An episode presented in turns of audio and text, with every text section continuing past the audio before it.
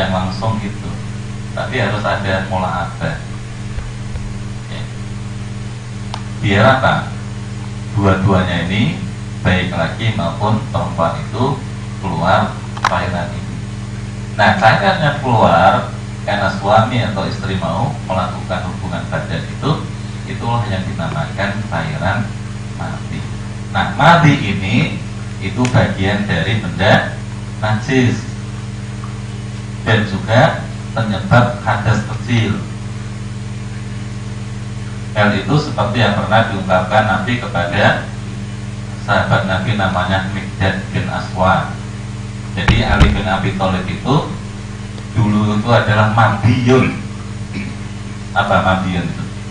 Orang yang suka mengeluarkan mabi.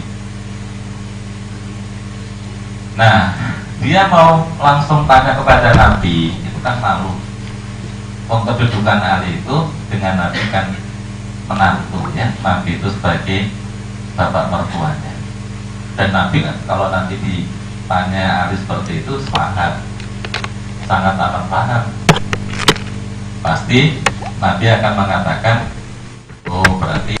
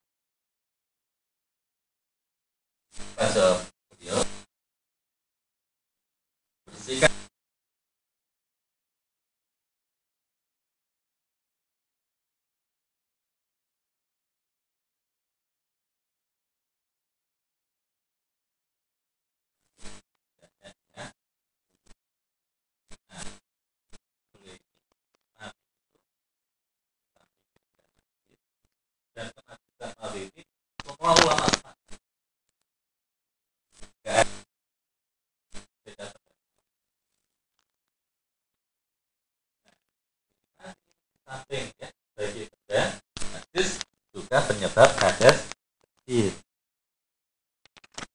Yang kedua, yang ketiga empat ya, itu wadi. Wadi ini juga cairan yang agak lengket gitu, tapi tidak selengket mati. Ini keluar itu biasanya habis kita kencing. Dan ini keluar habis kita kencing itu mungkin kecapean kerja atau seharian apa? Itu begitu kita seharian duduk atau kerja capek gitu, habis kita kencing itu biasa ada sisa netes tapi lengket. Nah cairan yang keluar sehabis kita kencing yang agak sedikit lengket itu itulah yang dinamakan cairan wadi itu. Benda wadi ini juga termasuk najis dan juga menyebabkan hadas kecil. Itulah yang disampaikan juga oleh Ibnu. Nah, Imam Malik tadi itu menggarisbawahi bahwa sentuhan laki dan perempuan dengan kulit sama kulit itu baru membatalkan wudhu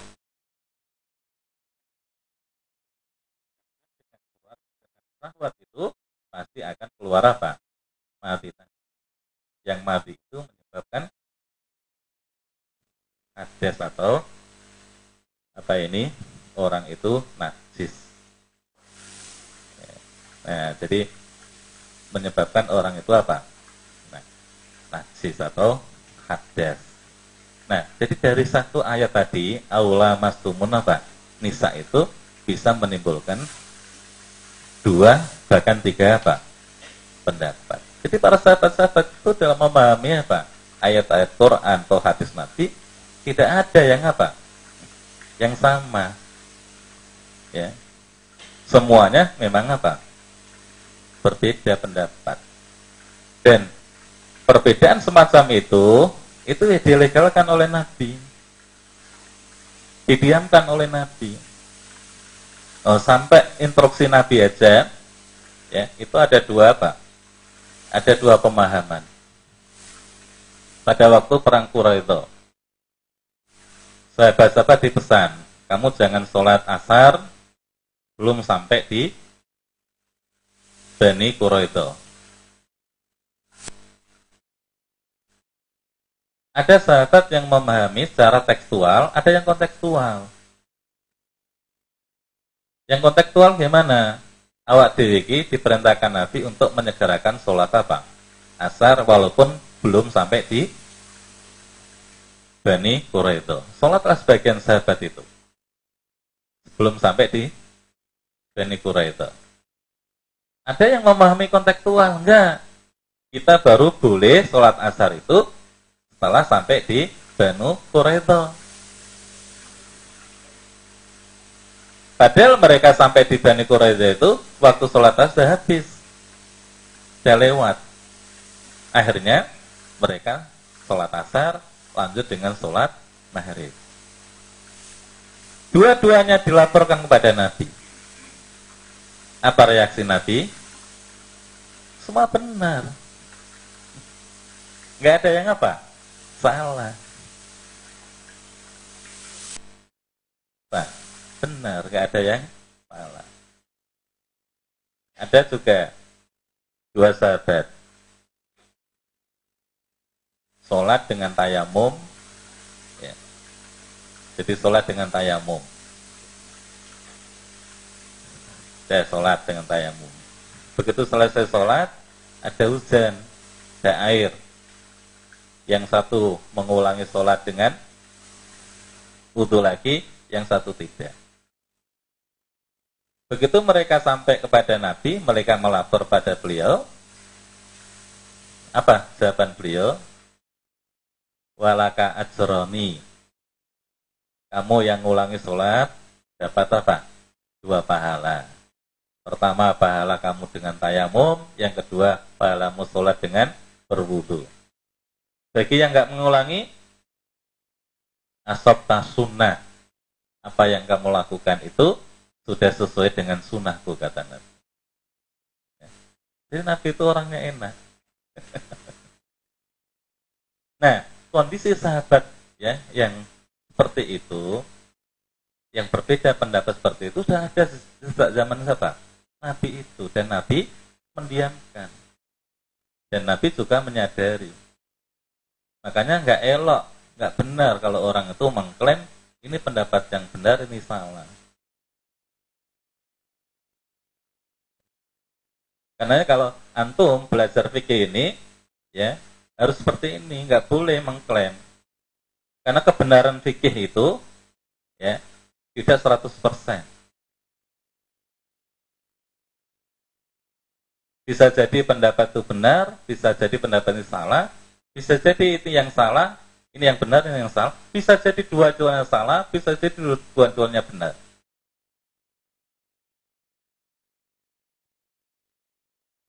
Makanya kita ini ya, apalagi antum ya, itu jadi dai semua ya, pencerama semua, itu harus banyak piknik, Jadi harus banyak apa? Buku bacaannya, kitab yang dibaca itu nggak hanya satu. Harus banyak kitab-kitab yang dibaca. Sebab nanti kalau kita hanya baca satu kitab toh, tidak baca kitab yang lainnya, ya kita akan terjebak dengan klaim tadi bahwa ini pendapat yang benar, yang lain itu adalah salah. Karenanya kita harus punya apa? tasamuh punya apa ini? Toleransi yang apa? Yang besar. Harus menerima semua apa? Pendapat itu. Yang berbeda-beda itu makanya kalau belum siap untuk menerima perbedaan pendapat jangan belajar fikih karena ketika kita bicara fikih itu pasti bicara beda pendapat nggak ada bicara fikih kok eh? layamas suhu ilal mutoharun itu aja coba. Sahabat-sahabat Nabi beda pendapat. Ada yang harus dengan wudhu, harus dalam keadaan suci dari hadas kecil besar. Ada yang enggak. Ya. yang dimaksud hu, Quran yang ada di situ itu bukan Quran yang ada di dunia ini. Bukan muskap yang ada di apa? Dunia ini. Kalau muskap ini kan kertasnya dari ya nggak tahu dari mana. Banyak kita nggak tahu apakah dari benda najis atau tidak ya. Mudah-mudahan suci. Ya. Nah karenanya maka bu di situ itu tidak boleh Quran itu disentuh ilal harun itu ya ada yang mengatakan la yamasul la yamasul Quran na illa tohirun. Jadi Quran itu nggak boleh disentuh kecuali orang-orang yang suci. Nah, yang dimaksud Quran di situ adalah Quran di dunia ini, mushaf itu. Karenanya Imam Syafi'i mendapat apa? Berdasar mengambil pendapat bagian sahabat tadi, nggak membolehkan orang membaca Quran itu kalau tidak dalam keadaan berwudu atau dalam keadaan suci. Tapi Abu Hanifah enggak. Abu Hanifah mengambil pendapat sahabat yang mengatakan, "Bu, Quran di situ itu bukan Quran di dunia, tapi Quran bu itu adalah Quran yang masih di loh mahfud sana." Di mana waktu itu yang namanya jin dan sun belum Quran itu diturunkan Allah kepada Nabi, itu dia bisa mencuri data di sana, mengacak-acak file-file manusia itu, ya, termasuk file manusia itu diacak-acak oleh apa? Jin itu, kemudian di forward, dikirimkan ke juru dukun, ke paranormal gitu, Makanya dukun-dukun dulu, para normal dulu, Masya Allah. Apa ini? Eh, manjur-manjur. Ya. Karena dapat apa? Bocoran dari jin itu. Nah, karenanya kemudian Allah lah yang masuk ilmu toharun katanya. Quran yang ada di lemah mahfud itu nggak boleh dipegang, nggak boleh disentuh ilal mutoharun kecuali orang-orang yang disucikan oleh Allah Subhanahu wa taala. Siapa al-mutahharun yang dimaksud? Kata Ibnu Abbas dan Ibnu Mas'ud, yang dimaksud mutahharun di situ adalah al-malaikah. Jadi Quran yang ada di Lauh Mahfud itu nggak boleh dipegang, disentuh kecuali para malaikat. Karenanya Ibnu Mas'ud dan Ibnu Abbas membolehkan orang membaca Quran, menyentuh muskaf Al-Quran, itu walaupun tanpa berwudu, walaupun tanpa bersuci. Di samping itu, Ibnu Hajar Al-Asqalani dalam kitab Fathul Barinya ini, dia mengatakan, tidak ada satupun hadis yang sahih yang melarang perempuan atau laki-laki dalam keadaan apa? nggak suci nggak boleh membaca apa? Quran itu. Apalagi perempuan kasihan. Perempuan itu sholat dan nggak boleh ya kata Imam Imam Nawawi ketika dalam syarat soheh Muslim itu ya jadi Imam Nawawi kalau Soheh Bukhari ini yang menyarahi di antaranya Fathul Bari namanya ini Ibnu Hajar al Asqalani. Kalau Sahih Muslim itu yang mensarahi Imam Nawawi di antaranya dan itu yang terkenal. Nah, kata Imam Nawawi dalam sarah Sahih Muslim itu mengatakan mesake perempuan itu kata dia. Ketika dia berhalangan, nggak boleh sholat. Terus ditanya Imam Nawawi, apakah selama perempuan itu dalam keadaan haid, yang haid itu adalah Allah, memang sudah ditakdirkan oleh Allah bagi perempuan, apakah dia masih dapat pahala dari dia tidak sholat itu? Apa jawab Imam Nawawi? Enggak. Dia memaparkan sekian banyak pendapat. Kemudian dari sekian banyak pendapat itu, Imam Nawawi mentarjih, menguatkan pendapat yang mengatakan bahwa perempuan itu ketika berhalangan, walaupun dia berhalangan itu adalah kodar Allah, adalah takdir Allah, tapi ketika dia nggak sholat, dia nggak mendapatkan pahala dari dia tidak sholat. Nah, kalau perempuan itu ya, dia nggak sholat, nggak dapat pahala dari apa? Dia nggak sholat itu, kan beda kalau kita ini punya kebiasaan. Dalam Sahih Bukhari, dikatakan kalau kita ini punya kebiasaan, biasa sholat jamaah, biasa habis maghrib, habis subuh itu membaca maksurat, membaca Quran, ya biasa jam 3 kita bangun untuk sholat malam. Kok tiba-tiba pada satu ketika kita berhalangan nggak sempat sholat jamaah tidak sempat sholat malam karena sakit kalau ada halangan kata Nabi kita tetap mendapatkan pahala seperti kebiasaan kita itu. Nggak dikurangi oleh Allah sedikit pun.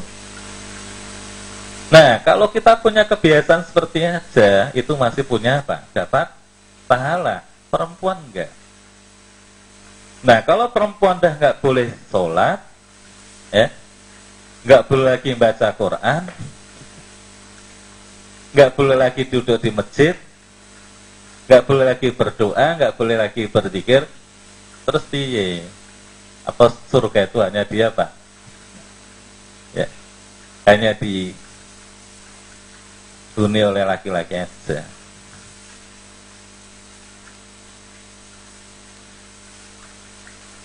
Nah, karenanya maka apa? Perempuan itu walaupun berhalangan seperti itu, hemat saya tetap boleh membaca apa? Quran. Gak harus megang Quran dengan ini, nah, ya. Kok repot-repot? Agama kok dibuat apa? Repot mana? Nah, masa gini? Ya nggak apa-apa disentuh dengan apa? Tangannya nggak apa-apa. Nah, ini di antaranya ya apa? La yamassuhu ilal mutahharun. Jadi banyak sahabat-sahabat Nabi itu yang apa? Berbeda pendapat. Karenanya karena berbeda pendapat dalam masalah furu'iyah ya, dalam masalah fikih seperti ini itu adalah hal yang wajar. Belum lagi masalah apa? Fikih, masalah puasa, banyak perbedaan ya pendapat. Umpamanya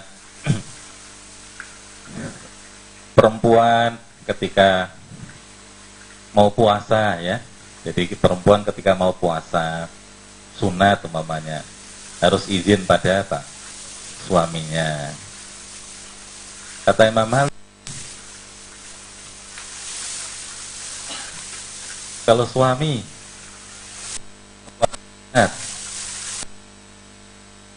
izin pada istri. Kata Imam Malik apa? Iya. Sebab kalau tidak enak laki-laki. Mesake perempuan itu. Masa dasar. Apa dasar Imam Malik? Ayat Allah. Ketika ada perempuan itu kure, maka suami ini diberi oleh Allah tiga wewenang. Wenang pertama nasihati. Bu, awak dhewe tuwa. Masa sik purak-purik koyo ngene. Disawang masyarakat yang enggak apik. anak yang waktu gede-gede yuk bali wae neng oma nggak kuntal kasih opsi yang kedua apa disuruh nggak usah dikumpuli tiduri memang harus ya. Siapa ngerti apa ini? Sadar gitu lileh gitu. Masih saja tidak. Nah yang ketiga ini suami diberi oleh Allah wewenang untuk mencambuk sang istri itu. Tapi mencambuknya suami kepada istri itu bersifat takdib bukan takdib takdib takdib apa takdib itu? Edukasi. Edukatif. Bukan takdib. Kalau takdib atau tajrih mencederai bukan. Tapi cambuknya itu ya dengan edukatif. Tapi orang marah kok piye? Mau edukatif ya? Nah. dintek-entek nasa nemene ya. Nah.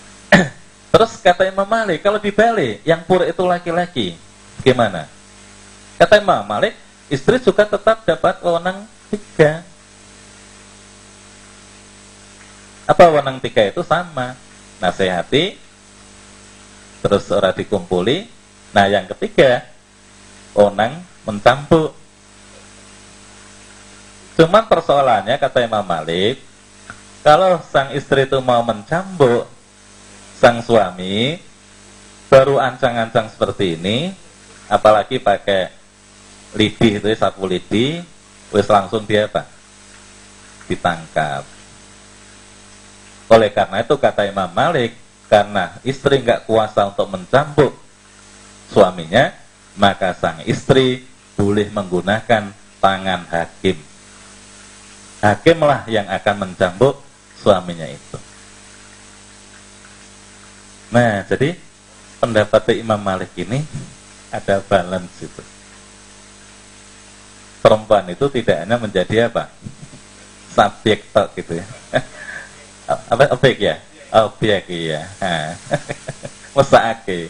Ya sama dengan yang kadang-kadang ya ustadz-ustadz kalau istri diajak suaminya gak merespon sampai suaminya nesu ya marah istri akan dilaknat oleh malaikat sampai pagi sampai lileng.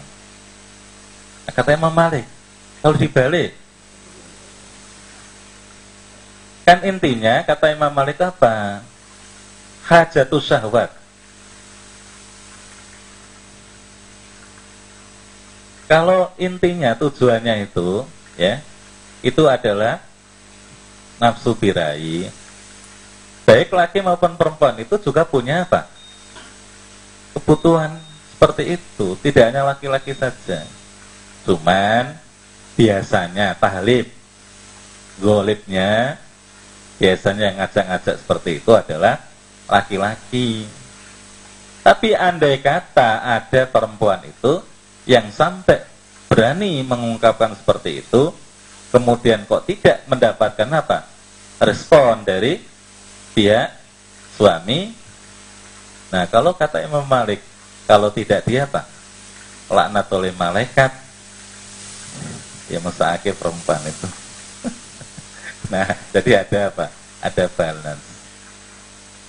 Karenanya maka orang itu ya antum ya yang nanti tidak ya apa ceramah-ceramah itu ya banyaklah piknik itu biar dalam apa? Menyampaikan persoalan itu ya bisa memberikan apa? Nah, pencerahan ya. Tidak hanya pihak perempuan aja yang dia apa yang jadi objek ya musaake ya paling enggak sama-sama lah.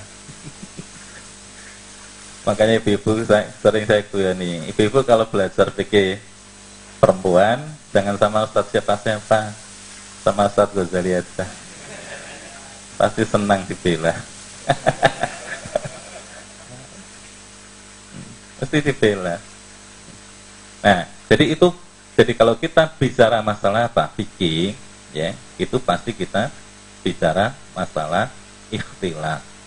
Nggak ada fikih itu yang nggak apa, nggak ikhtilaf itu. Sampai umpamanya syarat orang wajib puasa itu harus Islam. Antara Syafi'i dan Abu Hanifah itu beda. Apakah Islam itu syarat wajib atau syarat sahnya puasa? Kalau Abu Hanifah mengatakan itu syarat wajib. Kalau Abu Imam Syafi'i, ya enggak ya Pak. Atau jumhur ulama lah ya, mengatakan bahwa Islam itu bukan menjadi syarat wajib, tapi syarat sahnya puasa. Puasa itu enggak sah kalau tidak apa? Orang itu Islam. Nah, apa yang menyebabkan mereka berbeda pendapat? Apa? Kata Abu Hanifah, sekalipun orang itu kafir, dia tetap mendapatkan apa? Mukhatab mendapatkan perintah dari Allah untuk melakukan syariat itu.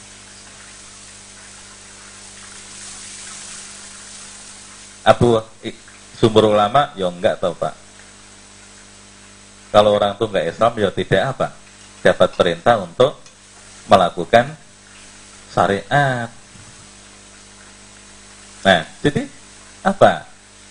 Antara syarat ini aja Islam itu ya, apakah itu syarat wajib ataukah itu syarat sahnya? Itu juga berbeda pendapat. Belum lagi menentukan apa? Menentukan awal Ramadan, awal Sawal. memahami hadis Nabi fakduruhu ya. Fa in alaikum fakduruhu. Jadi kalau sudah apa? Hmm, malam 30 kok tidak bisa dilihat hilal itu fakduruhu kata Nabi. Nah, kata-kata fakduru apa artinya? Sebagian ulama mayoritas ulama mengatakan faat milu salasina yauman. Kamu genapkan hitungan bulan Sa'ban itu menjadi 30. Tapi sebagian kecil mengatakan fakduruh itu dikira-kirakan. Nah, dengan dua pemahaman yang berbeda ini, ini menimbulkan dua apa? persepsi. Yang pertama, pokok E untuk menentukan awal Ramadan dan awal Sawal itu harus diimkani ru'ya. Harus dengan apa? Ru'ya. Harus dengan melihat. Tapi yang kedua, enggak. Fakduru itu bisa dengan menggunakan alat. Dengan bisa menggunakan ilmu pengetahuan dengan bisa menggunakan kisah. Apa ilmu pengetahuan di situ? Itu yang dinamakan ilmu kisah. Nah, karena maka apa? Dalam menentukan awal Ramadan, awal Sawal saja, orang sudah apa? Beda pendapat. Ini Muhammadiyah sudah jauh-jauh hari menentukan tanggal 6 apa ini? Mei awal Ramadan. Terus tanggal 5 atau apa itu? Nah saja nih enggak seperti itu. Ya. Mestinya mengedepankan apa? Nyunsu nggih afwan. Mengedepankan apa ya kebersamaan gitu walaupun itu benar ya tapi nggak perlu diumumkan terlebih dahulu Nah di sinilah hebatnya orang kita Indonesia ini. Ya, semuanya ingin apa? Jadi jagoan nian. kan nggak ada di negara-negara mana seperti Indonesia itu. Masing-masing orang organisasi menentukan awal Ramadan awal Sawal itu. Semua yang menentukan adalah pemerintah. Ya. Jadi semua itu yang menentukan. Nah itu paling nggak untuk apa ya? Untuk ya kebersamaan ya Bahkan nanti kalau yang mudah-mudahan dan ini ya kebetulan aja sama itu kira-kira ya tanggal 6 ya pemerintah juga kemungkinan suka tanggal 6 nah tapi kadang-kadang kalau berbeda itu kan kita ini miris gitu ya Wong foto-foto wong Islami, wong Indonesia kecuali Indonesia, Malaysia, Indonesia, Pakistan beda itu nggak masalah karena jaraknya ada terpaut dengan waktu ya. Nah, tapi kalau sama-sama Indonesia satu wilayah ada dua hari raya, ada dua puasa yang berbeda kan kadang-kadang. Nah, ini apa perbedaan-perbedaan semacam ini itu pasti akan kita apa jumpai ketika kita berbicara masalah apa iki karenanya maka kita nggak boleh apa sekali lagi mengklaim kalau pendapat ini adalah yang benar yang lain itu adalah salah itu.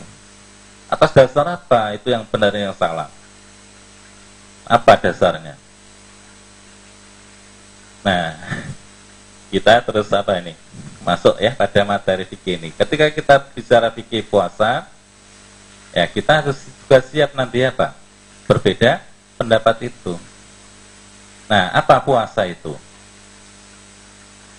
Puasa itu dari kata soma, yasumu, sauman. Atau soma, yasumu, siaman. Nah, itu sudah menjadi bahasa Romo Inggil ya dengan ulama benjang badai siam. Nah itu bahasa Arab. Dari kata soma yasumu siaman. Soma yasumu sauman. Ini nador tu ini nadar tu laka sauman kata Nabi Zakaria ya. Ya Allah, saya bernadar kepadamu sauman. Apa artinya sauman itu? Sauman itu artinya imsak atau sum. Menahan atau sum. Jadi ini nadar tu sauman, ini nadar tu imsakan wasumtan saya nazar kepadamu ya Allah sauman menahan diri wasumtan dan diam. Nah konon kata Ibnu Kasir dalam tafsirnya tafsir Ibnu Kasir itu Ibnu Kasir mengatakan bahwa puasanya orang orang dahulu itu beda dengan puasa kita kalau puasa kita ini adalah imsaku anil masrofi wal mat'am wasyahwat ya. Puasa kita itu adalah meninggalkan makan meninggalkan minum dan nafsu birai tapi puasanya umat-umat dulu kata Ibnu Katsir itu adalah asumtu anil takallum. Jadi diam.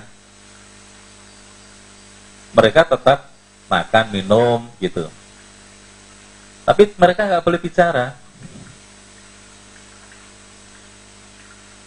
Nah kira-kira berat mana? Puasa diam, tapi kita boleh apa saja. Daripada kita puasa nggak makan nggak minum. Tentu berat yang pertama ya. Karenanya karena itu berat, Nabi melarang kita puasa nggak berbicara itu. Nggak boleh kita bicara apa? Puasa tidak berbicara itu. Atau apa? Puasa nggak bicara. Nggak boleh. Ya, bisu itu. Apa-apa isyara, asyara. Ya. Dengan isyara nggak boleh. Ya. Tapi umat-umat dulu kata Ibnu Kasir itu puasanya adalah dengan diam itu. Nah, itu arti puasa imsak ya menahan al imsaku anitakallum menahan diri dari berbicara men, al-imsaku anil af'al ya menahan diri dari aktivitas. Nah, kemudian kalau menurut istilah puasa itu apa? Puasa itu menurut istilah adalah al-imsaku an tanawulil mat'ami wal masrobi wal istimna'i wal istisqa'i min il fajri ila guru bisyamsi biniyatin lillahi ta'ala. Yang namanya puasa itu adalah ini kata Ibnu Hajar al Asqalani ya.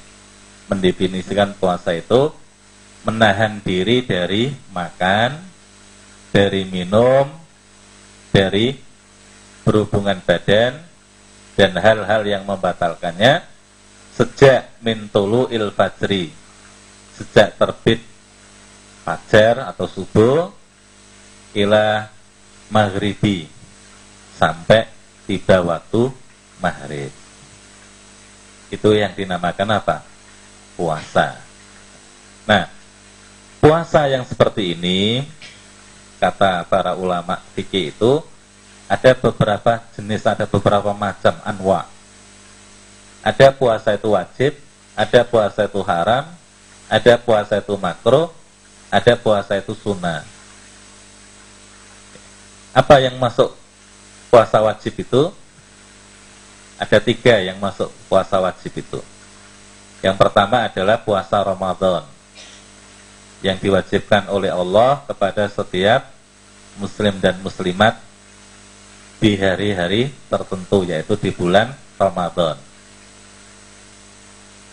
Yang kedua adalah puasa karena ada kasus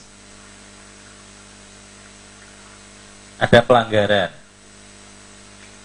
Umpamanya orang melanggar sumpah atau melanggar janji. Ya. Orang melanggar sumpah atau janji itu dikenakan apa? Denda. Apa dendanya? Bata keriru rokobatin. Memerdekakan budak. Kalau nggak bisa, memberikan makan sebanyak 10 orang. Ya plus pakaian pantas pakai. Nah 10 apa makanan sebanyak 10 ya orang fakir miskin plus pakaian pakai itu adalah makanan yang biasa dimakan setiap harinya. Jadi kalau nggak bisa memberikan budak yang kedua opsi yang kedua memberikan makan sebanyak 10 fakir miskin plus pakaian pantas pakai. Nah, makanan yang dimaksud itu adalah makanan yang biasa dimakan setiap harinya. Kalau yang dimakan itu setiap harinya, kelasnya itu kelas warung murah meriah, yaitu yang diberikan. Tapi kalau kelasnya murah meriah, tapi diberikan angkringan, boleh nggak itu? yang biasa kita makan tiap hari itu kelasnya ya itu adalah murah meriah. Nah, karena urik tadi wis kayak ising apa? Angkringan wae. Nasi kucing umpamanya. Nah itu nggak boleh. Tapi kalau kita kasih yang lebih baik oh kelasnya bukan kelas murah meriah tapi duta minang umpamanya. Oh itu bagus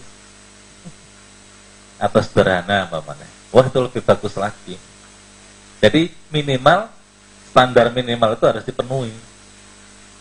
Nah kalau itu nggak bisa, maka harus apa? Puasa berapa hari? Tiga hari. Nah di sinilah terjadi perbedaan pendapat. Salah satu ayamin mutafarriqah atau mutawa lihat. tiga hari itu tiga hari berturut-turut atau selang-seling kata Abu Hanifah tiga hari itu adalah mutawaliyat. Tiga hari berturut-turut. Ibnu Abu Hanifah mengatakan bahwa puasa tiga hari berturut-turut itu didasarkan pada kiroah Ibnu Mas'ud. Jadi Ibnu Mas'ud itu punya mushaf kata Abu Hanifah yang di dalam mushaf Ibnu Mas'ud itu ada tambahan apa? Mutawa liat. Jadi tiga hari itu berturut-turut. Kata Sapi hingga Abu Hanifah. Nah kalau kamu apa Sapi? Mutafarikot. Selang seling. Jadi tiga hari itu boleh selang seling. Tahun ini satu, dua, tiga tahun lagi satu gitu ya. Sampai nanti meninggal masih utang. Gak masalah. Kalau lah masih punya utang, nanti diwariskan pada anak cucunya. Jadi kita mewarisi apa? Kepada anak itu bukan materi, bukan harta, tapi utang puasa. Jadi nggak masalah. Yang penting tiga itu bisa apa? Terpenuhi. Nah, puasa tiga hari, baik itu menurut Abu Hanifah berturut-turut atau menurut Syafi'i selang-seling itu, itu wajib bagi orang yang apa? melanggar sumpah. Nah, kewajiban puasa seperti itu itu karena ada apa? Kasus pelanggaran. Sama dengan ya. ada seorang suami bilang kepada istrinya, "Anti kahdohri ummi." Kamu itu seperti punggung istri apa? ibuku. Nah, kalau pernyataan sang suami kepada istri seperti itu, menganggap istrinya itu seperti ibunya yang tidak boleh dikumpuli, maka jatuhlah talak diher suami atas apa? Istrinya itu. Makanya antum jadi suami hati-hati. Dan itu tidak hanya ibu. Kowe kok koyok adikku sing wedok Kowe kok koyok Mbak Yuku sing apa? Perempuan. Kalau antum bilang pada istri seperti itu, dalam hal kamu tuh tak jane orang itu tak kumpuli mergani kamu sama dengan statusnya adikku, adik perempuanku sama dengan statusnya kakak perempuanku atau orang-orang yang diharamkan untuk antum nikahi itu berarti antum telah menjatuhkan talak biar kepada istri tadi. Nah, kalau antum mau mencabut ucapan antum itu, antum harus apa? Bayar kafaroh dulu. Apa kafarohnya? Tahriru rokobatin mu'minatin. Memerdekakan budak yang iman. Kalau enggak, apa? Fasyamu saharo ini mutata bi'aini melakukan puasa dua bulan berturut-turut. Fa'ilam yastati fa'id amu miskinit fa'id amu sitina miskina. Kalau puasa juga nggak sanggup, opsi yang ketiga adalah kamu harus memberikan makan kepada sebanyak 60 fakir miskin. Nah, kewajiban puasa dua bulan berturut-turut itu tadi adalah diwajibkan oleh Allah kepada orang tadi karena orang tadi melakukan pelanggaran. Apa pelanggaran yang dilakukan? Dia melanggar pernyataannya atau melanggar sumpahnya tadi. Dia mengatakan kamu seperti apa? Ibuku, ya. Kamu seperti adik perempuanku, kakak perempuanku itu namanya salah apa? Dihar. Ya, maka hati-hati.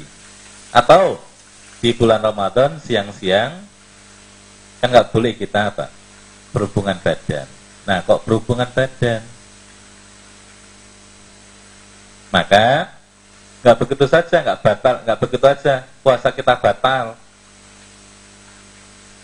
Di samping puasa itu batal, kita itu kena kafaro kena denda. Apa dendanya? Sama fatakri rokobatin. memerdekakan budak. Kalau nggak bisa, pasiamu sahro ini mutatabiain. Puasa dua bulan berturut-turut. Kalau nggak bisa, itamu sitina miskinan. Ngasih makan kepada enam fakir miskin. Nah, kewajiban puasa berturut-turut dua bulan tadi, itu diwajibkan Allah kepada orang yang melakukan pelanggaran di siang hari bulan Ramadan itu. Nah, itu wajib. Ya. Wajibnya karena apa? Melah, melanggar. Yang ketiga, ada puasa wajib itu karena nadar. Umpamanya, wah nanti kalau ini ada yang menang jagonya mau nih, saya ada di DPR, DPRD, ya, saya akan mewajibkan diri saya puasa selama satu bulan, umpamanya. Jadi Mbak Pak Asmoyo nanti kalau saya kok jadi apa ini eh, ngantor di Patian, eh, saya tak apa puasa satu minggu dua minggu atau satu bulan. Nah, Pak Asmoyo ya mewajibkan dirinya puasa satu minggu dua minggu atau satu bulan lantaran beliau lolos duduk di kursi DPRD kepatian itu itu adalah wajib bagi Pak, Is, Pak Asmoyo. Wajibnya puasa bagi Pak Asmoyo itu karena dia nadar. Nah, itu ya. Nah, itu puasa nadar. Kalau yang puasa haram apa? Kita diharamkan untuk puasa itu. Pertama, kita puasa di hari raya, dua hari raya. Idul Fitri Idul Adha. Ya, itu enggak enggak boleh. Karena itu adalah ayyamu akal wa ayyamu saraf. Maka dulu ketika ada apa ini? Ada teman-teman, ada dua perempuan ya di rumah Nabi nyanyi-nyanyi terus dibentak oleh Abu Bakar itu Pas Nabi ada di depannya. Kata Nabi pada Abu Bakar, Dak huma ya Abu Bakrin. Hada atau hadihi ayyamul akal wa ayyamus saraf wa ayyamus surur. Biarkanlah anak perempuan itu nyanyi-nyanyi Abu Bakar. Ini kan hari apa? Kebahagiaan kita, hari makan kita, hari minum kita. Kenapa larang kenapa tidak biarkan aja nyanyi-nyanyi nah jadi ditambah lagi kalau bulan Idul eh, kalau bulan apa kalau Idul Fitri kita nggak boleh puasa lantaran kita sebulan sudah puasa Ramadan nah kalau ditambah lagi puasa nah kita nggak ada hari kemenangan hari kita bersuka cita hari makan minum tadi nah Idul Adha juga kita nggak boleh. Kenapa? Pada Idul Adha itu kita juga nyembelih korban. Nah, siapa yang akan makan korban kita nanti? Padahal kita itu mendapatkan sepertiga bagian dari daging korban itu. Ditambah lagi tiga hari, tanggal 11, 12, dan 13. Itulah yang dinamakan ayam mutasrik. Kalau Imam Malik cuma dua hari aja, 11, 12, 13 nggak masuk. Nah, itu puasa yang kita apa? Diharamkan. Yang ketiga juga kita nggak boleh puasa adar ya. Apa? Puasa adar itu sepanjang masa. Tapi kata Imam Syafi'i, kalau dari satu tahun itu, ya, ada satu hari saja yang kita nggak puasa, entah itu pada waktu Idul Fitri atau Idul Adha, maka boleh kita apa? Itu tidak dinamakan ayam mudar, tidak disebut dengan puasa sepanjang apa? Masa. Artinya boleh. Selagi ada satu hari yang kita apa? Kosongkan. Nah, terus juga puasa yang diharamkan tadi istri puasa sunnah tanpa seizin suami atau di Bali. Ya, itu juga termasuk puasa yang diharamkan. Ya. Dan masih ada beberapa lagi puasa yang juga apa? E, ada puasa makro, ada puasa sunnah ya. Nah, lebih baiknya ada pertanyaan. ya Pak Iman ya. Eh, jadi ada baiknya kalau ada apa pertanyaan.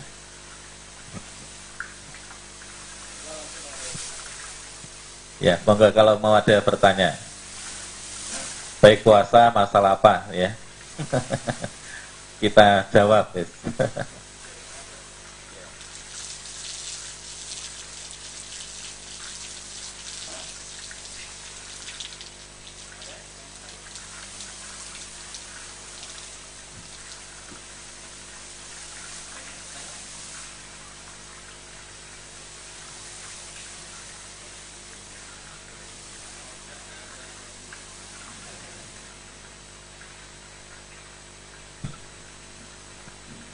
Monggo kalau ada yang bertanya, dipersilahkan tentang puasa atau tentang yang lain.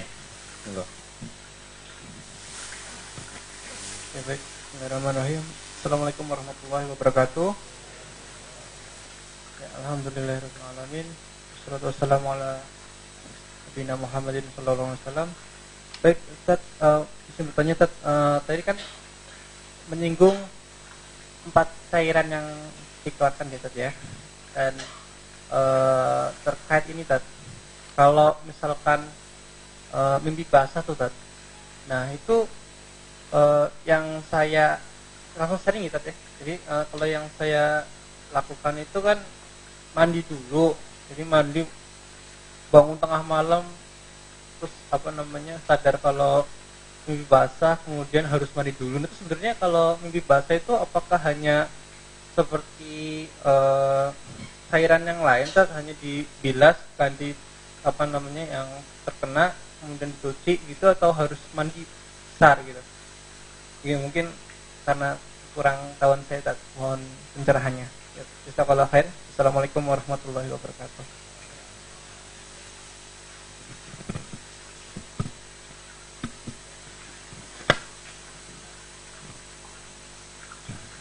Ya, jadi kalau orang mengeluarkan mani, tadi kalau bendanya tadi mani yang mengatakan najis, ada yang tidak ya.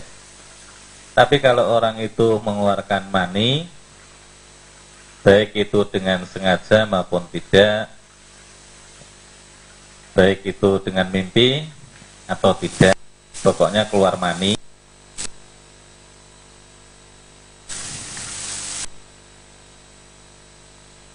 besar. Ya. Jadi keluar mani itu bukan hadas besar. Nah, karena orang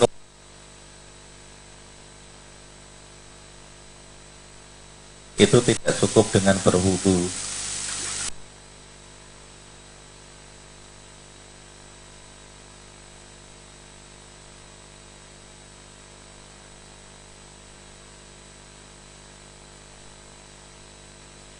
seni nah, cukup untuk menghilangkan hadas kecil itu cukup dengan berwudu. Mani tidak cukup dengan berwudu karena ini hadasnya hadas besar tapi harus dengan mandi. Nah, juga kapan kita mimpi itu harus lebih besar itu itu kalau ada bekasnya jadi kalau ada bekasnya walaupun kita mau mimpi ya mimpi indah. Bangun nggak bekasnya nggak ada baunya ya nggak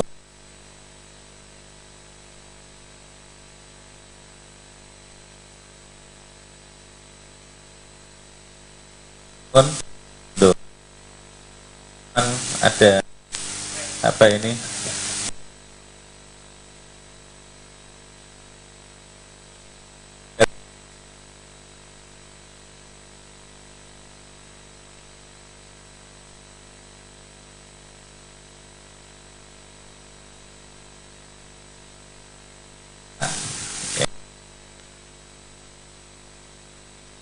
Kita keluar apa? Mani tadi.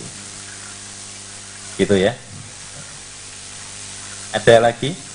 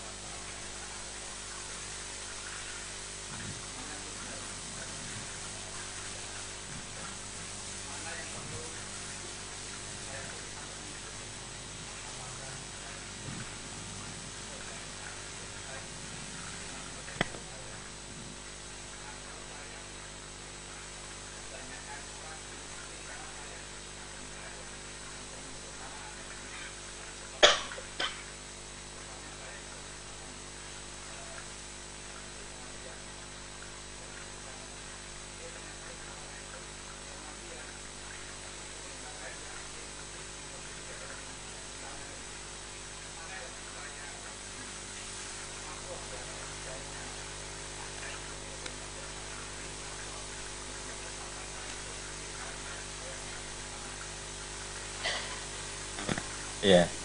Jadi di sinilah kita ya itu harus juga menggunakan fikih dakwah atau fikih waki ya.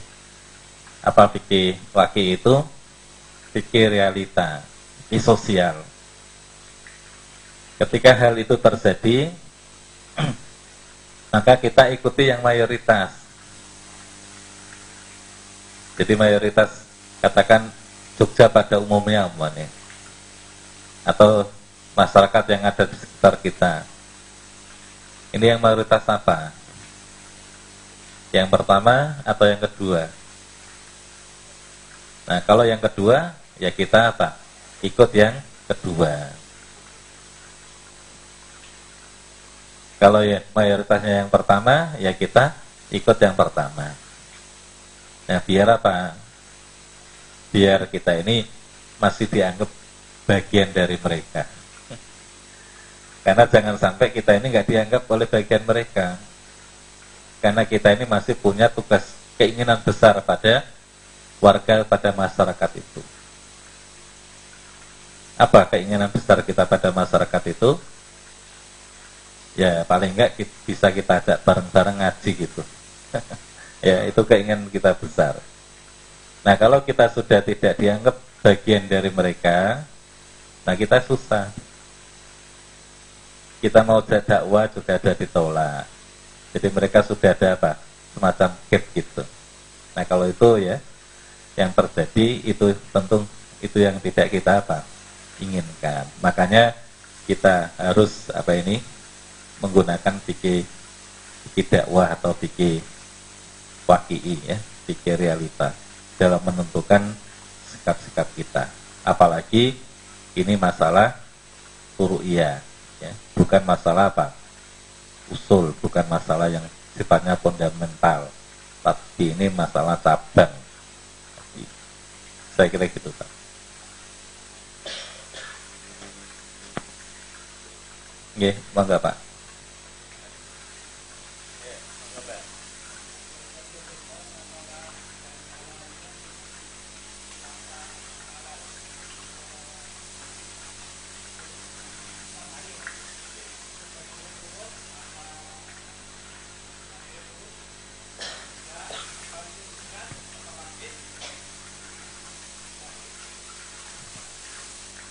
Iya.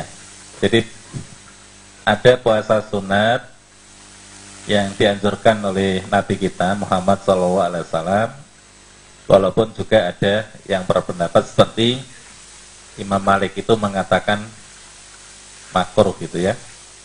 Tapi pendapat Imam Malik ini tidak kuat karena dasarnya itu dia melihat penduduk Medina kok nggak ada yang puasa kalau bulan Sawal itu akhirnya kemudian dia simpulkan oh kalau gitu puasa sawal enam hari di bulan sawal itu adalah makruh hukumnya tapi sesungguhnya puasa sawal itu ada dasar yang kuat ya. apa dasarnya barang siapa yang Bukhari juga barang siapa yang puasa di bulan Ramadan suma atsba'hu sita ayam min sawal kemudian diikuti dengan puasa enam hari di bulan sawal sama dengan ka'annahu soma der atau sana kamila. Seolah-olah orang itu sama dengan puasa satu tahun. Dengan catatan dengan hitungan puasa Ramadan itu dihitung 10 bulan kemudian puasa enam hari itu dihitung dua bulan. Jadi genaplah 12 bulan. Nah hadis ini sahih ya nah karena hadis ini sahih maka ada sunnah kita puasa enam hari di bulan Sawal itu. Persoalannya adalah apakah puasa enam hari di bulan Sawal itu mutatabiat ataukah mutafarikot? Dalam hal ini juga fihi ikhtilaf, fihi kaulani. Dalam hal ini ada dua apa? pendapat. Pendapat yang mengatakan bahwa puasa Sawal itu harus dilakukan enam hari itu berturut-turut. Ya. Tapi ada yang mengatakan mutafarikot. Puasa sawal itu bisa dikerjakan selang-seling. Sing penting masih dalam satu bulan sawal itu. Nah, karenanya maka monggo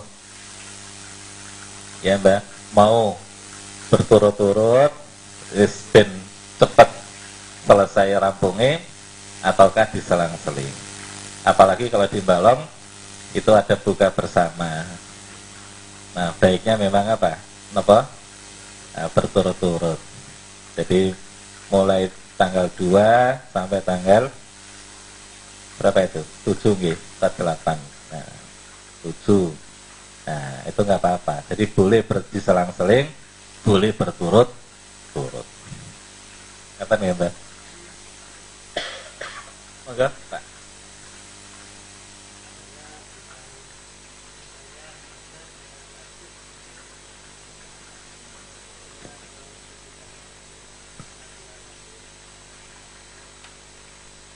Ya. Apa bedanya hadas dan najis? Kalau najis itu bendanya kelihatan. Jadi kan ada ya, najis itu dua. Ada najis aini, ada najis hukmi. Najis aini itu adalah najis yang bendanya itu kelihatan. Bisa dilihat oleh kasat mata. Kemudian kalau najis hukmi itu hanya secara statusnya aja. Itu yang disebut dengan hadas. Jadi kalau hadas itu status orang itu saja najis. Cuman bendanya nggak bisa dilihat. Umpamanya tadi orang habis BAB itu kan hadas. Tapi kan nggak bisa dilihat. Karena kalau mau sholat kan harus berwudu. Ya. Tapi nggak bisa dilihat. Tapi statusnya orang itu adalah apa? Najis. Secara hukum. Itu najis tapi nggak berarti kemudian kalau disentuh nggak apa kalau disentuh, badan kita juga ikut apa? Najis tidak. Tapi statusnya orang itu adalah najis. Kenapa kok najis? Karena orang itu habis BAB. Atau afwan ya, habis buang angin. Habis seni. Habis mengeluarkan mati. Habis mengeluarkan mati. Nah, orang-orang yang mengeluarkan benda-benda itu tadi status hukumnya itu adalah najis tapi najisnya itu najis hukmi. Nah hadis apa najis hukmi ini itulah yang dinamakan dengan hadas tapi kalau najis ain itu bendanya bisa dia apa? Lihat. Umpamanya najis yang sudah disepakati ya oleh para ulama kita itu dari ini nggak ada ikhtilaf itu apa BAB, tinja manusia. Seni manusia. Mabi, wadi, darah head atau darah nifas. Lima benda ini sudah semua ulama itu sudah apa? Muttafaq alaiha. Alaiha. Jadi semua sudah apa? Sepakat kalau benda ini adalah benda yang najis. Selebihnya dari itu adalah masih mukhtalafun fiha. Seperti apa? Tadi mani, air liur anjing itu najis atau tidak? Ya, ini masih ikhtilaf. Kalau sapi mengatakan najis. Kenapa najis? Karena kalau ada bejana kena jilatan liur anjing, kena liur anjing ya, jilatan anjing itu kan dibersihkan sampai tujuh kali. Yang pertama dan yang terakhir itu harus dengan apa ini dengan tanah atau dengan debu. Nah kata Syafi'i, kalau liur anjing itu bukan benda najis, gak mungkin Nabi nyuruh sampai seperti itu. Karenanya Syafi'i menyimpulkan liur anjing itu benda najis. Imam Malik, ya jangan begitu Syafi'i. Nah kamu piye? Kalau saya liur anjing itu ya nggak najis. Nah, engkau memahami hadis Nabi, perintah Nabi seperti ini, piye? Katanya, ini perintah Pak Abud. Sifatnya itu ibadah. Yang sudah tidak bisa dia apa? nalar lagi oleh akal manusia. Ya Allah atau Nabi nyuruh begitu, awak dewi saminah wa atau nah nggak usah dia apa? Nggak usah direkayasa apa sebabnya apa sebabnya sing penting benda iki orang najis katanya. Tapi Abu Hanifah elok bagus. Gimana? Kata Abu Hanifah sesungguhnya liur anjing itu bukan benda najis. Nah nanti kok nyuruh apa? Bersih sampai seperti itu. Apa kata Abu Hanifah? Karena liur anjing yang jilat atau yang mengenai bejana itu mengandung sekian bakteri atau kuman penyakit yang kuman-kuman itu kata Abu Hanifah nggak bisa dihilangkan waktu itu kecuali hanya dengan debu jadi kuman-kuman yang bahaya itu yang nempel di gelas di bejana itu bisa dihilangkan dengan apa pun kecuali hanya dengan apa duit. Nah ternyata apa yang disampaikan oleh Nabi seperti ini itu diamini oleh seorang ahli medis dari Jepang bahwa memang kuman atau bakteri yang nempel di benda bejana-bejana tersebut itu memang nggak bisa hilang kecuali hanya dengan apa? Debu itu. Karenanya maka dia menemukan alat sebagai apa? Pengganti debu itu. Cuman masalahnya adalah kalau kita beli alat yang ditemukan oleh ahli medis Jepang itu mengeluarkan kocek yang banyak. Tapi kalau apa? Kita gunakan debu gratis nggak bayar saja tapi secara ilmiah dibenarkan. Memang apa ini? Kuman itu nggak bisa dihilangkan kecuali dengan debu itu nah kalau itu benar berarti Nabi itu luar biasa. Jadi Nabi itu luar biasa.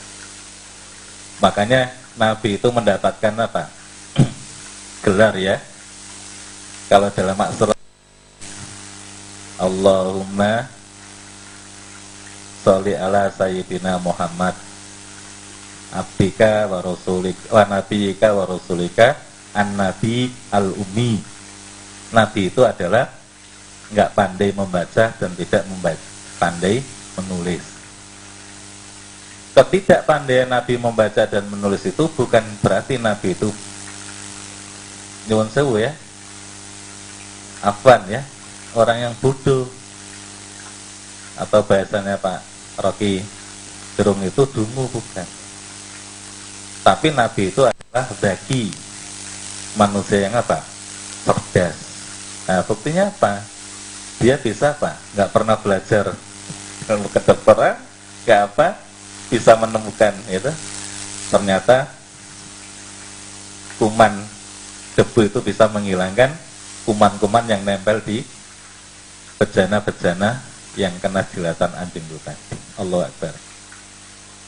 Nah, karenanya maka apa? Jadi kata Imam Abu Hanifah, inilah najis yang masih mukhtalaf, yang masih diperbedakan. Karena apa? Dalilnya itu bukan dalil kot'i tadi. Dalil yang apa? Doni tadi. Terus arak, komer ya, atau apa alkohol, itu najis atau tidak. Mayoritas ulama mengatakan najis, guys. Gak ada yang nggak najis. Kecuali hanya satu kelintir ulama, satu orang yang mengatakan bahwa alkohol itu bukan benda apa? Najis itu. Oke haram, tapi sesuatu yang haram itu belum menunjukkan apa? Najis, tapi yang najis mesti menunjukkan apa? Haram. Nah, itu di antaranya ya. Jadi bedanya najis dengan apa tadi? Dengan hadas, gitu ya Pak. Jadi kalau hadas itu ya nggak bisa dilihat najisnya itu. Tapi statusnya orang itu najis. Karena kalau sholat dia nggak boleh tetap harus apa? Bersuci. Tapi statusnya adalah hadas atau najis. Nah najis semacam itu dinamakan najis hukmi alias hadas. Tapi kalau najis yang aini tadi itu adalah najis yang bisa dilihat dengan kasat mata manusia. Yang sudah disepakati ada lima tadi yang lainnya itu masih apa? Diperdebatkan, termasuk kotoran ya, binatang itu najis atau tidak. Oh, kalau makan dagingnya dimakan, gimana kotorannya, najis atau tidak.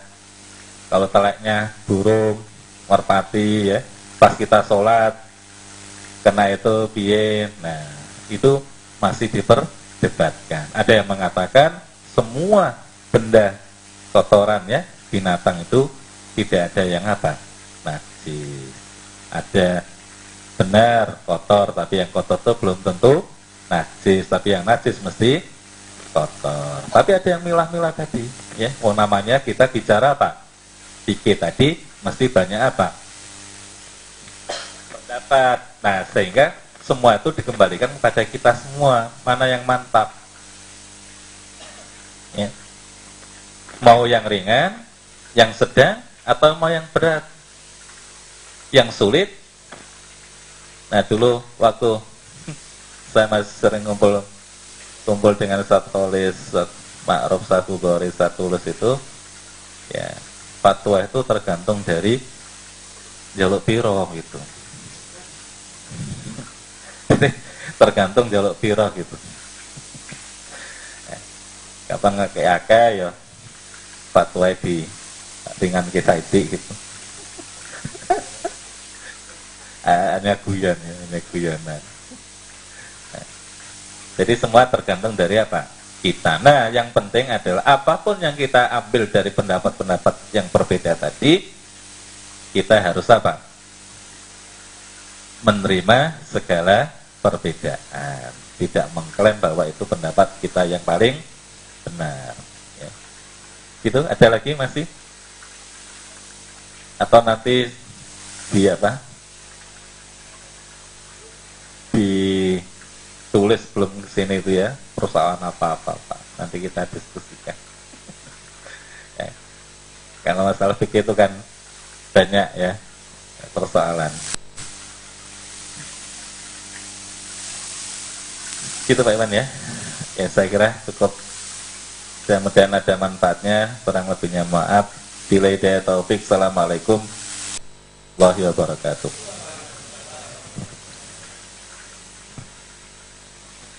Alhamdulillah pada malam hari ini kita mengawali kajian Ramadan ini dengan buah tema yang saya kira sangat penting buat kita yaitu ikhtilaf ya. Fikih bagaimana kita memahami perbedaan dan saya kira tadi banyak pencerahan buat kita. Pada intinya adalah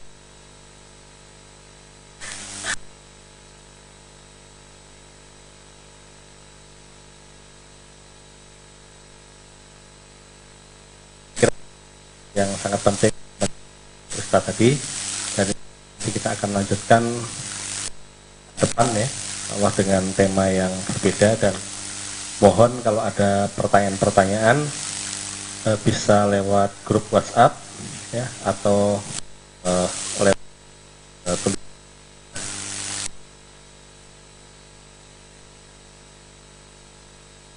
dalam buku yang sedang disusun di indahnya Ramadan bersama Nabi. Nah dari pertanyaan itu nanti uh, kita akan bisa memberikan banyak alternatif-alternatif uh, solusi. Baiklah, uh, santri yang berbahagia, kita, ada pengumuman nggak? Tidak ada ya. Ya. Kita akhiri dengan doa kafir kafir bersama-sama. Subhanakallahumma bihamdik. Assalamualaikum warahmatullahi wabarakatuh.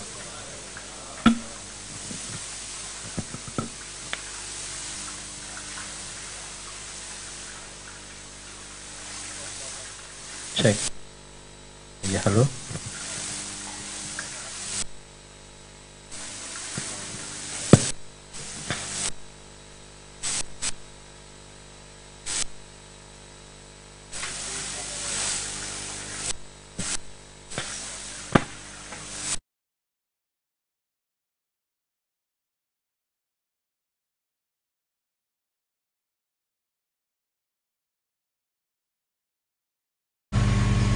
Delapan.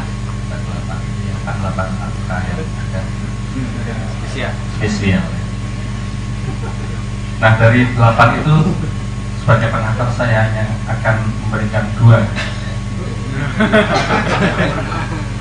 memberikan dua saja persiapan di bulan Ramadan. Yang pertama adalah kita harus berdoa kepada Allah Subhanahu wa taala. Doa yang sangat yang sangat populer apa doanya?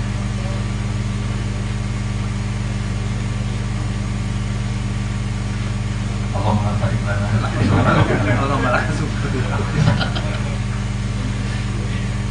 Jadi doanya kami Allah. Berkatilah kami bulan Saban eh, apa? Ramadan dan Saban.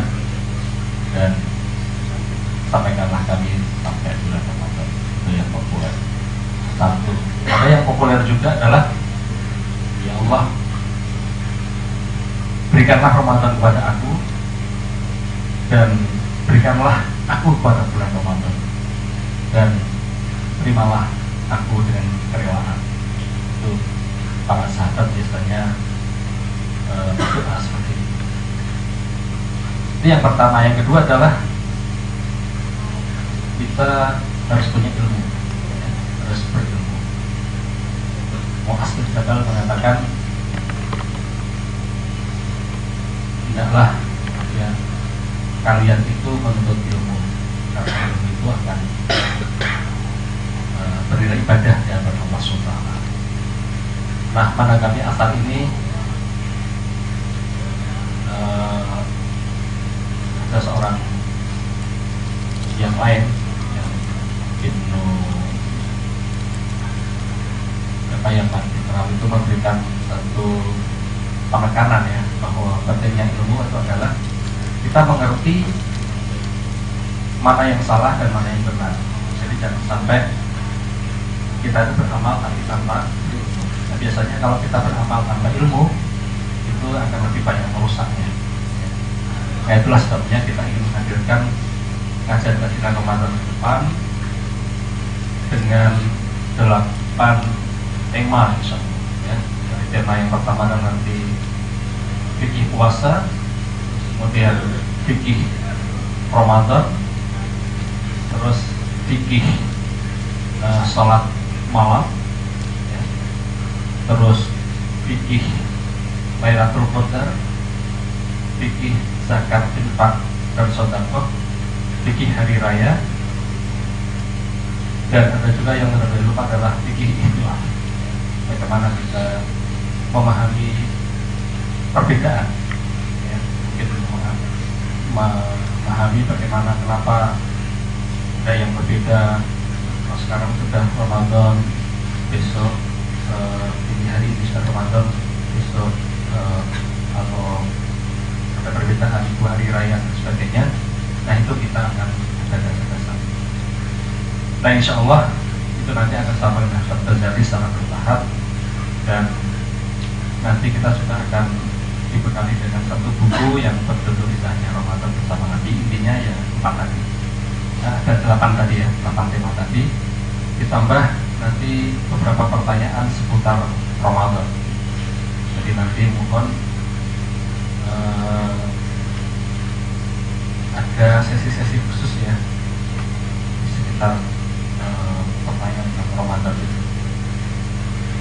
Nah nanti bisa jadi Ustaz menyampaikan yang temanya mungkin satu jam yang mungkin setelah setengah jam kemudian kita akan dialog atau mungkin ada pertanyaan yang yang mungkin sampai saat ini belum belum memuaskan kita. Saya kira itu ya eh, eh, sampai yang berbahagia dan mudah-mudahan nanti kita bisa istiqomah ya di sini dan mendapatkan ilmu yang yang bermanfaat. Baiklah kita awali dengan basmalah bersama-sama. Bismillahirrahmanirrahim. Monggo teman-teman belajar ini semangat.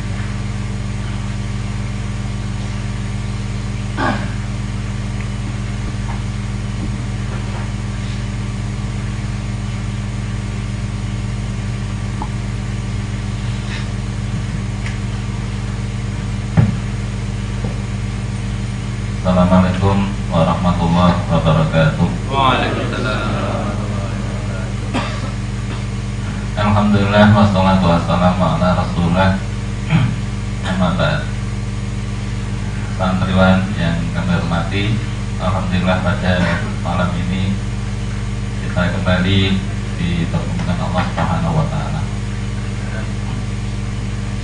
Pertemuan kita pada malam hari ini senantiasa mendapatkan ridhonya Salam dan salam kita sampaikan pada tunjungan Nabi Agung kita Muhammad Sallallahu Alaihi Wasallam yang insya Allah akan kita nanti nantikan syafaatnya besok pada hari Jumat. Pada malam hari ini kita akan membahas masalah fikih di puasa. Namun tadi ada delapan tema ya. Salah satunya adalah fikih ikhtilaf nah, Kira-kira mana yang didulukan Fikih ikhtilafnya atau fikih puasanya Mestinya sebelum kita bicara fikih puasa secara khusus Kita bicara dulu tentang masalah fikih ikhtilaf ya. Biar apa? Biar kita punya sedikit wawasan gambaran ketika kita berbicara masalah fikih. Karena kalau kita berbicara fikih, itu kita harus siap-siap beda pendapat. Karena tidak ada persoalan-persoalan yang kaitannya dengan masalah fikih itu yang tidak menimbulkan beda pendapat. Mengingat dalil-dalil yang didasarkan atas pemahaman fikih itu adalah dalil-dalil yang sifatnya dhoniyah bukan dalil-dalil yang sifatnya qat'iyah kalau qat'iyah itu pasti kebenarannya itu sudah 100% sehingga itu sudah nggak bisa diotak-atik. Sholat itu hukumnya wajib dan sholat yang diwajibkan itu lima waktu. Itu sudah kopi dan nggak bisa diotak atik. Puasa Ramadan itu hukumnya wajib. Dasarnya ya ayo aladina amanu kutiba alaikumus ya nah itu ayat ini sudah kopi dan nggak bisa diotak lagi. Jadi kebenaran itu sudah 100% tapi kalau dalil-dalil Tonia itu kekuatan dalil itu baru 70 sampai 80 persen kebenarannya. Nah, berarti masih sisa 20 sampai 25 persen. Di situlah akal manusia itu diberi oleh Allah peluang untuk beristihad. Nah, persoalan-persoalan yang kaitan dengan fikih itu mayoritas dalilnya adalah dari berdampingan bersama dengan beliau. Mereka pun juga dalam mensikapi dalil-dalil yang sifatnya dunia ini pun juga tidak satu pendapat. Ibnu Umar dengan Ibnu Abbas itu nggak akan pernah ketemu Karena kalau Ibnu Umar. Itu orangnya apa tekstual. Kalau Ibnu Abbas itu orangnya kontekstual. Jadi Ibnu Umar itu karena tekstual tidak akan lari dari nas-nas yang selama itu dipahami oleh Ibnu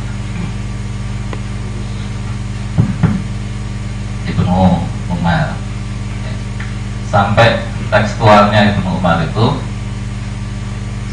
sampai-sampai ketika Ibnu Umar itu pergi ditemani oleh beberapa sahabat di tengah jalan dia menemukan sebuah pohon. Di situ dia berteduh di pohon itu. Terus ditanya oleh teman-temannya itu kenapa kita harus berteduh di sini wahai Ibnu Umar? Apa jawab Ibnu Umar? Ya aku dulu pernah diajak Rasulullah SAW pergi melewati pohon ini kemudian beliau berteduh di sini. Nah karena beliau berteduh di sini aku pun juga berteduh di sini. Nah ini saking apa tekstualnya Ibnu Umar itu adalah memahami nas ya perilaku atau fi'liyah Nabi kita Muhammad Shallallahu Alaihi Wasallam. Nah, Ibnu Umar yang tekstual seperti ini itu 180 derajat ya, berbeda dengan Ibnu Abbas, Ibnu Mas'ud, Ali bin Abi Thalib orangnya yang konteks tua. Jadi memahami nas-nas itu tidak hanya berdasarkan teksnya saja, tapi juga berdasarkan konteks tuannya. Makanya masalah syukur singgot umpamanya ya. Masalah singgot Ibnu Umar pokoknya wajib orang berjenggot itu.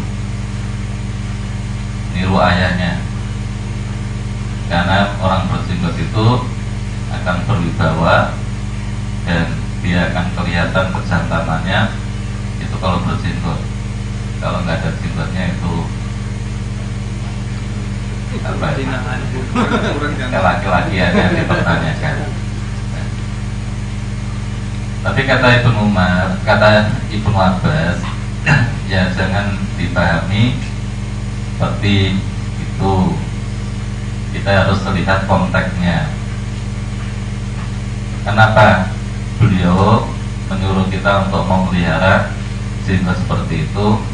Karena konteksnya dulu itu orang Yahudi dan orang Nasrani itu nggak mau memelihara jenggot oleh karena itu khaliful Yahud wan Nasor sampailah kamu berbeda dengan orang-orang Yahudi dan orang-orang Nasrani. Kalau orang Nasrani suka memelihara kumis tapi tidak mau memelihara singkat maka kamu kata Nabi harus dibalik. Sehingga tidak harus orang itu bersingkat apalagi sekarang orang Yahudi konteksnya ya dan Nasrani juga sudah banyak yang apa? Bersingkat banyak pemain bola itu sudah bersingkat semua. Nah kalau konteksnya itu kita tampil beda dengan orang Yahudi dan Nasrani nah sekarang saya nggak ada apa bedanya antara orang Yahudi dan Nasrani semuanya sama-sama memelihara jenggot. Nah apakah kita masih mempertahankan jenggot? Yes. Nah, nggak jenggot no gitu ya. Nah jadi kita ini apa hal semacam ini harus kita pahami. Sehingga terjadi perbedaan pendapat pada di kalangan sahabat itu hal yang sudah wajar. Dan itu sudah merupakan apa? Sunatullah baik dilihat dari segi agama maupun dilihat dari segi sunatullah itu perbedaan pendapat itu sudah hal yang lumrah karena nggak mungkin otak manusia itu bisa dia apa? Pemahaman manusia itu bisa disatukan. Makanya yang pernah saya sampaikan waktu di rumah Pak itu Ibnu Qutaibah dalam kitabnya Muskilatul Quran dia mengatakan bahwa sahabat-sahabat Nabi itu satu dalam memahami Al-Quran itu. Pernyataan Ibnu Qutaibah dalam kitab Muskilatul Quran yang seperti itu langsung dikantor oleh Ibnu Khaldun di dalam kitabnya Al-Muqaddimah yang itu dikutip oleh Ibnu Taimiyah dalam kitabnya Usul Tafsir. Ibnu Taimiyah mengutip pendapat Ibnu Khaldun kata siapa Ibnu Taimiyah Ibnu Qutaibah sahabat-sahabat Nabi itu satu dalam memahami satu pemahaman dalam memahami Al-Quran itu. Betapa banyak perbedaan pendapat di kalangan para sahabat dalam memahami satu ayat. Dalam surat Abasa itu wa'aban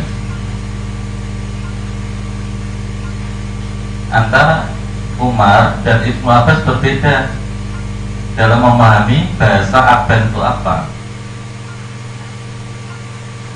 Kata Ibnu Umar, kata Umar, aban itu jenis tebu. Kata Ibnu Abbas, enggak.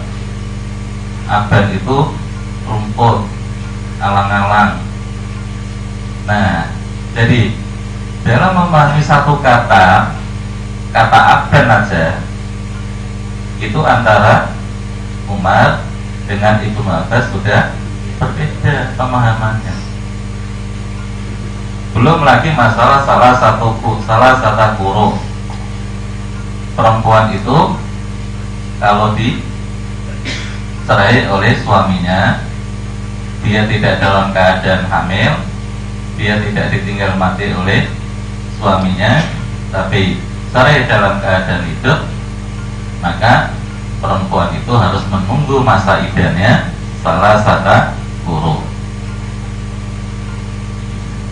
tiga kali kuruk. Nah, kata kuruk itu apa? Antara Ibnu Abbas dengan Ibnu Mas'ud berbeda pendapat. Walaupun dua-duanya ini sama-sama kontekstual, sama-sama rasional. Kata Ibnu Mas'ud, yang namanya kuruk itu adalah atuhur, suci. Oh berarti kalau ada perempuan dicerai oleh suaminya tidak dalam keadaan hamil juga tidak dalam keadaan meninggal tapi dalam keadaan hidup maka istri harus menunggu masa idahnya sampai tiga kali sucian. Jadi diceraikan suci ya dalam keadaan suci terus haid terus suci terus haid suci lagi Nah, berarti ini sudah tiga ya. ya. Jadi suci, head, nah, suci, head lagi, nah suci. Suci yang ketiga ini sudah habis masa idahnya. Dan pendapat di penuh masa seperti ini itu diambil oleh Imam Syafi'i. Makanya Imam Syafi'i mengartikan salah satu pur itu salah satu abur tiga kali apa? Suci Kata Ibnu Abbas, enggak. Furu itu bukan artinya tuhur. Furu itu artinya adalah khair. Dan dulu orang Arab itu biasa menggunakan bahasa furu itu adalah digunakan untuk menyebutkan bahasa khair itu. Nah, kalau menurut Ibnu Abbas, salah kalau kita mengikuti pendapat Ibnu Abbas, salah satu huruf tiga kali apa? Head. Gimana hitungannya? Disuci suci ya, terus head. Suci, head lagi. Suci. Nah, head yang ketiga ini habis masa idahnya perempuan itu. Nah, dari dua bahasa sahabat ini dalam memahami satu ayat Allah salah satu huruf ada dua pak. Pemahaman ada dua pendapat. Karenanya kemudian Abu Hanifah mengambil pendapat Ibnu Abbas ini. Kata Ibnu Abu Hanifah mengomentari pendapat Ibnu Abbas ini saya lebih condong pendapat Ibnu Abbas daripada Ibnu Mas'ud kalau tujuan Allah memberikan masa idah kepada perempuan itu dalam rangka untuk mendeteksi apakah rohim perempuan itu bersih atau tidak maka pendapat Ibnu Abbas itu jauh lebih aman daripada pendapat Ibnu Mas'ud yang diambil oleh Imam Syafi'i. Ya kan? Kalau orang perempuan sudah head, ya terlihat bersih. Tapi kalau suci bisa saja nanti dia apa? Dikumpuli oleh mantan suaminya itu kita nggak tahu atau siapa yang ngumpuli kita nggak tahu tapi kalau sudah begitu head yang ketiga oh berarti rahim perempuan itu dari A berarti dinyatakan apa suci dan nggak ada lagi benih-benih yang nempel di rahim. Nah ini dari dua pak, dari dua sahabat Nabi dalam memahami satu apa ayat itu berbeda pendapat. Nah karenanya maka perbedaan pendapat itu suatu hal yang apa? Yang wajar. Baik itu dilihat dari segi keagamaan maupun dilihat dari segi apa ini uh, sunatullah ada lagi Aula mastumun nisa ya. Aula mastumun nisa Kata Abu Bakar Atau Umar Aula mastumun nisa itu adalah Masu basar ala basar sentuhan kulit antara laki dan perempuan. Karenanya kata Abu Bakar dan Umar, setiap ada sentuhan kulit antara laki-laki dan perempuan, apakah sampai kering atau tidak, maka batalah wudhunya. Jadi batalah wudhunya. Jadi sekedar apa? Sentuhan kulit dengan kulit pendapat ini diambil oleh Imam Syafi'i, diamini oleh Imam Syafi'i. Karenanya Imam Syafi'i kemudian berpendapat bahwa setiap ada sentuhan kulit laki dan perempuan, maka sentuhan kulit laki perempuan baik disengaja maupun tidak, baik dengan muhrim atau tidak, baik di syahwat atau bi syahwat. Kata Imam Syafi'i, pasada wudhu atau batola wudhu batal wudhunya tapi menurut Ibnu Abbas enggak. Kata Allah maslumunisa itu bukan sekedar apa? Maslu basar ala basar tidak sekedar sentuhan kulit dengan kulit. Tetapi itu adalah biasa bahasa kinaya kata Ibnu orang Arab itu kalau mau membahasakan hal-hal yang saru seperti itu itu menggunakan bahasa-bahasa yang indah. Bukan bahasa-bahasa yang vulgar. Nah bahasa yang indah apa ya seperti aula mastumun nisa. Nah kalau bahasa yang vulgar apa awa tumun nisa. Au jamak tumun nisa. Nah itu bahasa bahasa vulgar. Dulu ada ustadz ya.